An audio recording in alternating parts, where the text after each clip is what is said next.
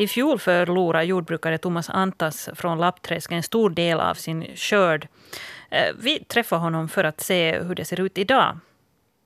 I snillen på 20 minuter så beger vi oss också till Kokon eh, simstrand för att prata om Folkhälsans simbil. Och så träffar vi Journalistförbundets ordförande Hanne Aho. Hon bor i Sibbo och trivs jättebra där under sommaren. Jag heter Helena von Aftan och önskar dig riktigt välkommen. I fjol fick jordbrukare Thomas Antas från Lappträsk sin rypsodling förstörd av gammaflyets larver. De åt helt enkelt upp rypsen vilket ledde till att Antas skörd blev minimal. I år odlar Antas inte oljeväxter alls. Han säger att en av orsakerna är att han tröttnat på dem efter fjolårets katastrofala skörd. No, orsakerna är egentligen två. Det ena är just att det där jag tröttnar lite på oljeväxter. Det andra är riktigt växtföljden. Den gör det. Man kan inte ha hur ofta som helst och hur mycket som helst. Jag har under några år haft lite mer än vad, än vad jag borde ha, en större andel. Men klart det att när, när hela skörden blev uppäten i fjol så inverkar det ju lite på beslutet då. Ja, alltså hur stor, hur stort problem var det förra året det här att dina rypsfält blev förstörda? För de blev ju totalförstörda, det var 28 hektar sa du då. Så hur liksom, hur eh, långtgående effekter fick det för dig? No, det hade ju desto längre gående det att det inkomsten blev bort på hösten. Man hade ingenting att sälja egentligen från det. En, en, liten, en liten skörd fick jag ju därifrån sen när nu tröskade över det. Men det var för att inte, inte hade det desto längre följder. Men det är klart att om det, om det är stora arealer och man har så blir man ju, det har ju ekonomiska följder på det sättet. Det lider både likviditet och, och lönsamhet. Ja, jag minns äh, förra året var vi faktiskt här på samma ställe på uh, kolla på dina odlingar, dina fält och då minns jag att det var helt visset och gult det här området här men nu ser det grönt ut och du odlar uh, maltkorn här som ska bli öl. Ja. Kan du berätta något mer om vad du odlar nu istället för de här oljeväxterna? No, inte jag har ganska enkelt nu, det, det är mest maltkorn, vete, både höst och vårvete och lite havre, lite havre har jag haft alla år. Den en växt som jag tycker om att odla tyvärr så skrymmande att därför kan man inte ha hur mycket som helst och av andra orsaker. Men det är en växt som jag tycker om. Att paus på oljeväxter men nu tänker jag att jag har kanske något år igen. Så hur, hur har du valt just de här att odla nu i år då? Just? No, de är nu mera på slumpen. Sen delvis är det nu liksom, jag försöker ändå vara lite marknadsinriktad med vad jag odlar. Men det är inte alltid så lätt. Det beror på lite vad man har för, för dels växtodling, krav på växtföljden att det styr en del av marknaden. Sen vad man själv, vilka preferenser man råkar ha som jordbrukare. En, olika bönder tycker om lite olika växter så det påverkar det. Du sa att eh, du gillar det här havre. Uh, och du sa att det finns också andra orsaker. Vad är de här andra orsakerna? No, havre är ju en, en, en stor växt i Finland på det sättet. Vi, vi väl marknadsetta när det gäller exporthavre i världen. Eller en av de allra största aktörerna. Och det, det är en sak som jag tycker att vi borde som, som bönder försöka odla kvalitetshavre för export. Det är liksom exportintäkter och så minskar det på trycket här inom landet. Att på det sättet så tycker jag att havren är en, en mycket bra växt. Du berättade tidigare för mig att äh, gammaflyn inte finns i samma utsträckning i år. Ähm, men vad finns det då för andra problem eller hot i, för skörden i år? No, det, på oljeväxtsidan så har det varit ett synnerligen besvärligt år. Att jag inte sett egentligen ett enda riktigt bra oljeväxtskifte med ryps eller raps. Att de har haft jordloppor i början, det, det, är helt normalt, det hör till med att det har varit ovanligt hårt tryck. Och nu senare när blomningen ska inledas så kommer rapsbaggarna in. Att det, det, det. Och så är det no någonting med det här vädret som har gjort att, att oljeväxterna trivs inte. Fast det, andra, det har varit goda förhållanden, man tycker att de borde. Men det är något som jag inte direkt kan förklara. Men överlag så tycker jag att oljeväxtskiftena ser ovanligt dåliga ut. Att att med fjolåret och så det här året så det, det, finns nog en risk för att folk tappar intresse ytterligare. Och det, det är vi inte riktigt betjänta av. Vi behöver en viss mängd för att kunna hålla, hålla igång ett, ett oljepresseri i det här landet. Har du alls någon aning om varför Gammaflyn inte då idag, i år? För jag tänker ändå att det, du berättade också förra året då att det var så hett och torr den här sommaren. Kanske det också påverkar det här. Um, och det har, jag tycker ändå att det har varit ganska varmt nu i år igen. Så har du någon aning om avsatt vad det här beror på? Jo, alltså vi har ju gammalfly egentligen alla somrar. Det, det, det kommer, men det, det att den gör i allmänhet bara en generation larver och så, så är det där med det. Den övervintrar inte i Finland, den kommer alltid hit flygande de här gammalflyna. Och i fjol kom de otroligt tidigt och det var varmt, de fick snabbt en, en andra generation igång och det var den som liksom gjorde de där stora skadorna. Att det, nu, har, nu har man gjort gammalflyobservationer, jag läste just igår att det där Jockis Jokkis till exempel så har man nu observerat gammalfly och som sagt, de finns alla år men sällan blir de till, till förfång på det sättet. Så om du skulle kunna summera så där, den här årets skörd eller odlingar, vad skulle du säga att är det största hotet eller utmaningen? No, den, den utmaning vi har för tillfället så är egentligen torka, för att det håller åter på att bli ganska torrt. På många ställen så har vi ganska bra växter och, och, och växterna etablerar sig någorlunda bra efter en bra vår. Och det betyder att det finns en stor växtmassa. En stor växtmassa behöver mycket vatten och det har inte regnat mycket i sommar. Eh, verkar det här vara en trend som liksom håller på en längre tid? Jag menar som sagt förra året var ju då extrem på många sätt men vad händer om den här trenden fortsätter? No, jag vet inte om vi kan prata om trender. Året före fjolåret så var ju det sällsynt vått, i synnerhet hösten, så det var mycket besvärligt. Det, åren är olika, inte det, det är något som vi får leva med som ska arbeta i naturen och med naturen. Så vi får nog bara helt enkelt lära oss att åren är olika och nu har vi ett lite torrt år.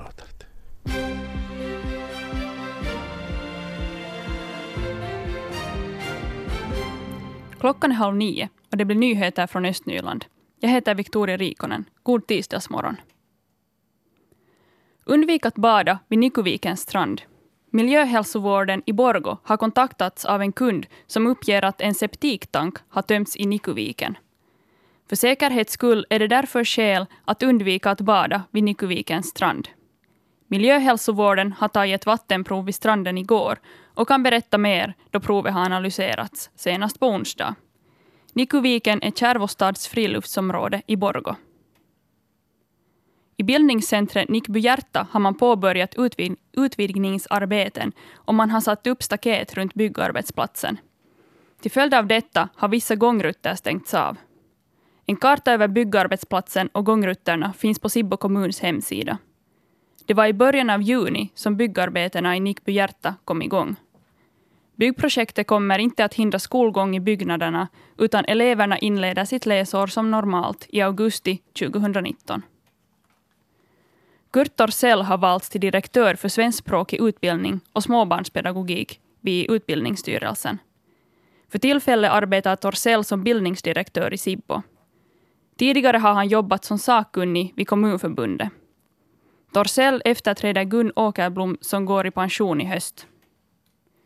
I Lovisa kyrka har man uppmätt halter av radon som eh, klart överskrider den tillåtna gränsen. Fyra radonbrunnar ska byggas runt kyrkan för att få ner radonhalterna till en godkänd nivå. Brunnarna kommer att byggas under sommaren och man strävar efter att göra reparationerna så att det inte stör verksamheten i kyrkan. Kyrkoherde Stina Lindgård från Agricola Svenska Församling berättar att det går bra att besöka kyrkan i sommar i kortare priser.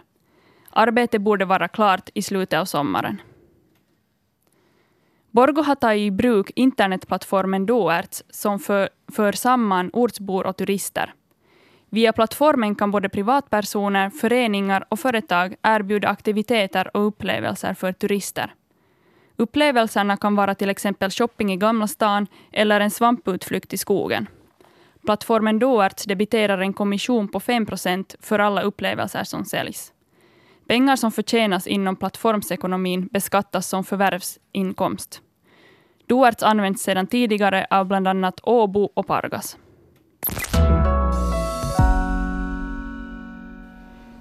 Jag står nu här vid, vid Pepåtgropen som den också kallas och, och, blickar ut över det här vattnet här och det ser faktiskt jättebra ut det här badvattnet. Här är några sådana här morgonpigga människor som tar sig ett, ett dopp redan nu den här tiden och, och här var en del badare också här när, när jag dök upp på stranden för ungefär en halvtimme sedan.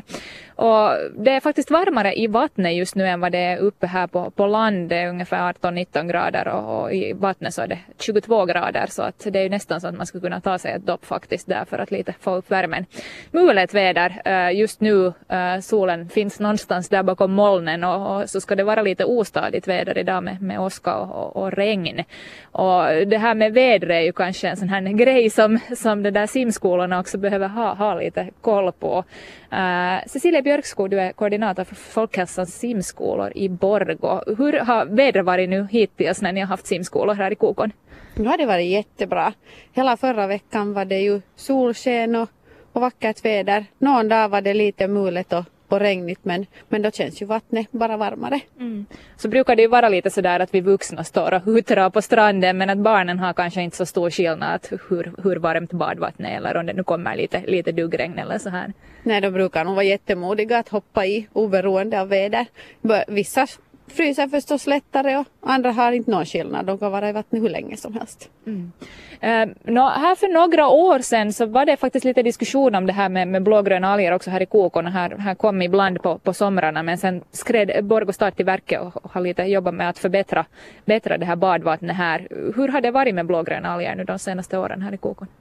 Här har inte varit nu på många år överhuvudtaget. I fjol var det till exempel enda badstranden där vi höll simskolor som inte hade blågröna alger. Mm. Att alla andra hade. Vi fick flytta lite simskolor till olika stränder för att klara oss undan men, men här kom det inga alger. Mm.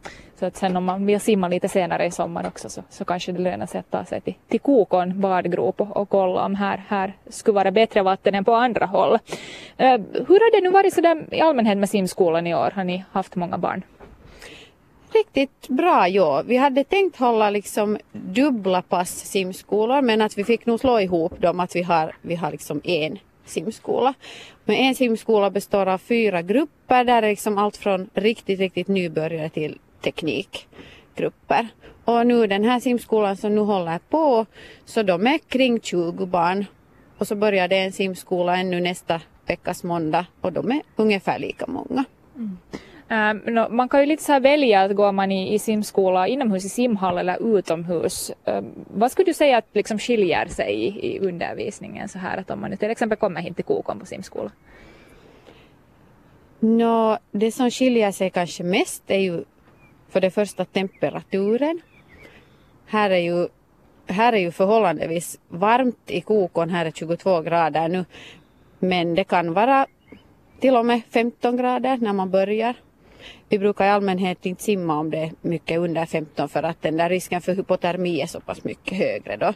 Men att det kan vara jättekallt när man börjar. Det är ju en sak. Vi behöver mycket sådana här vattenvanelekar och mycket håll igång. Man kan inte stå mycket stilla i ett utomhus, en utomhussimskola. Och sen är det såklart färgen på vattnet kan vara för många barn lite skrämmande. Man ser inte i bottnet, man ser inte om man håller ögonen upp under vattnet. Och sen smaken på vattnet kan vara liksom obekant för många när de kommer till en utomhussimskola.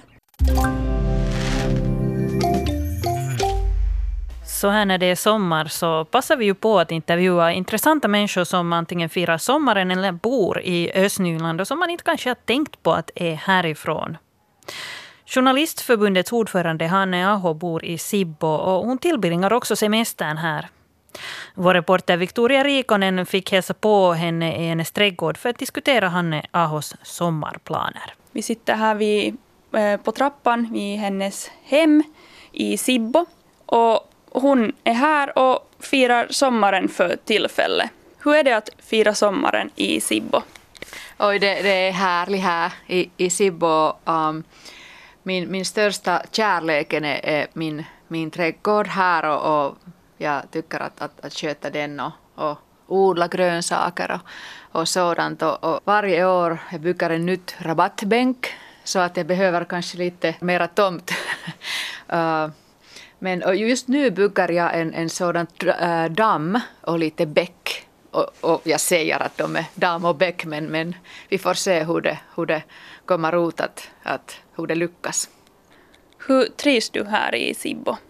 Oj, väldigt bra, väldigt bra. Jag har nu äh, bott här nästan mitt hela liv och, och jag har inte ens tänkt att, att flytta till stan. Jag kunde inte, inte tänka att, att hur, hur, hur man kan leva i staden. Att jag gillar den där naturen och alla djur som kommer här och, och lugn och ro och frisk luft och allt. Har du något smultronställe här i Sibbo? No, ja, det har jag. Det är mitt hem. Det är, um, jag älskar att vara här. Varför det? Um, no, det är en plats som jag kan förstås vara mig själv. Jag träffar mina, mina um, kompisar och vänner och min släktingar. Och, och, um,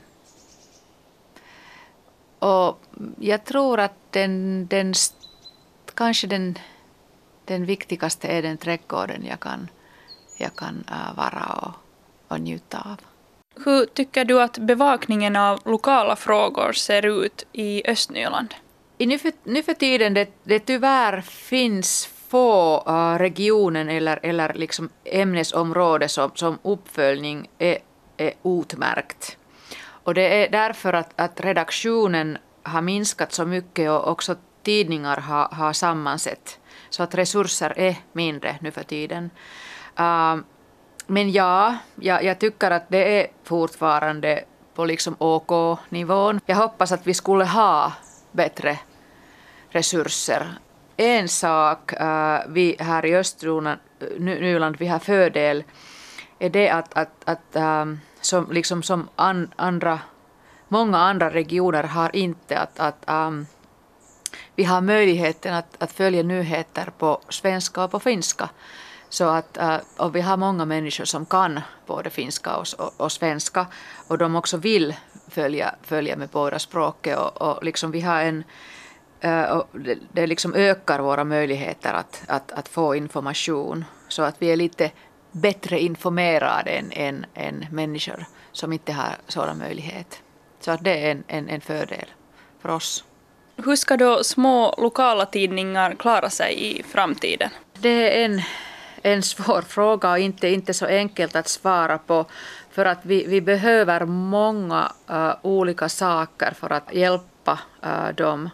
Eh, det förstås eh, krävs att, att människor prenumererar och annonser eh, köper annons och, och, och också staten förhoppningsvis äh, hjälper också med stöden eller momsen. Äh, och förstås, redaktionen måste göra så bra journalistik som de kan och mediehus måste liksom hitta nya sätt att, att få pengar, till exempel nyheten på webben och, och, och sånt. Lokala annonsörer har ju märkt i, i många regioner i Finland att den bästa media att annonsera är lokaltidningen. För att lokala tidningar är den bästa läst liksom Äh, man läser äh, de också annonser och, och, alla sidor om, om man jämför till exempel till Hustesbladet eller, eller, eller äh, Helsingin Sanomat. Så att det är en bra plats att annonsera. Jag hoppas att, att människ, människor ska äh, prenumerera. Äh, liksom de, de, de, jag hoppas att de skulle tänka att, att, att det är intressant och viktig information man, man får äh, i lokala tidningar. Och, och, det är väldigt viktigt också för demokratin att det finns någon som, som äh, bevakar till exempel beslutsfattare. Hur ser du på tidningars uppgifter och resurser jämfört med Yles? No, ja, vi, vi har haft äh, en sådan diskussion i Finland att, att det, det är liksom Yles fel att lokala tidningar eller, eller tidningar, tidningar i, i, i allmänhet har svårigheter för att liksom Yle är så stor och har så stora resurser att göra journalistik och, och sånt. En sak är att, att äh, den samma problemen med tidningar har också till exempel i USA. Och där finns inga Yle, finns inga, inga statens radio. Jag har alltid sagt att svaren är inte att, att förminska Yle, utan att vi borde stödja och hjälpa andra medier. Du har jobbat på Suomen Kuvalehti som grafisk designer i ungefär 15 år. Hur ser du på det visuella i journalistiken? No, jo, det är en bra fråga för att vi har märkt och vi vet att många liksom fotografer från, från tidningar och, och magasiner har minskat. Fast man vet att visualism är, är mycket, mycket äh, viktig för människan och det kommer liksom viktigare hela tiden. För att äh, äh, man, man inte alltid har tid att läsa äh, allt men, men ha, man alltid har tid att, att titta på bilden eller, eller kort, kort videon. Så att, att, ähm, och som, man, som vi vet att uh, en bild kan berätta mera än tusen ord. Så att, att um, jag hoppas hoppas att man, man skulle liksom koncentrera sig mera om, om visuella journalistik och, och satsa på den igen. Uh, jag tror att, tror att det är en, en viktig sak när, när vi utvecklar journalistik i Finland.